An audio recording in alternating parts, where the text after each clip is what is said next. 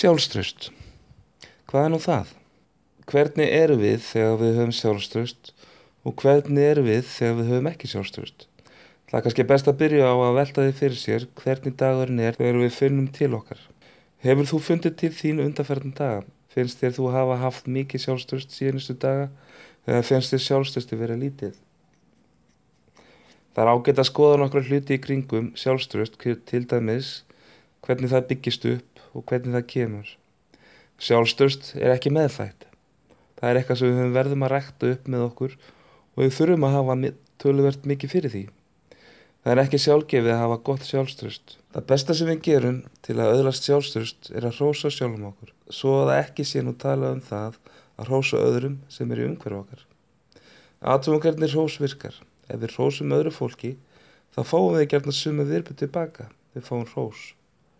Tilengað þér til dæmis í verslunum að bjóða góðan daginn og takta eftir því að fólk tekur undir kveðið þína og býður þér góðan dag. Þetta er svokvöldu jákvæð aðtegli og við þurfum að fá aðtegli. Það er eins og mikill munur á jákvæðir og neikvæðir aðtegli. Jákvæð aðtegli veitir gríðarlega mikið sjálfströst og með því að gefa frá sér hrós, þá fáum við hrós tilbaka. Því hefur stundum verið haldið fram að þegar við hrósum annara mannesku þá getur svo hægt að vera til staðar að viðkomandi verði móntinn. Þannig er það alls ekki. Það er mjög mikilvægt að fá að finna til sín því ef þú finnur ekki til þín þá líður þér ekkert sérstaklega vel. Það er í besta leiði að finna til sín. Það er ekki það sama á mónt. Þegar við erum móntinn þá erum við óörug. Þegar við finnum til okkar þá erum við örug með okkur.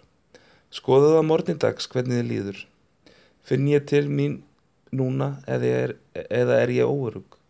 Spurðu þið aftur og aftur sömu spurningar. Er ég ekki öruglega að finna til mér núna? Taktu svo eftir því að dagurinn verður miklu betri hjá þér. Gangið vel. Þessi grein er eftir hann Kára Eithórsson.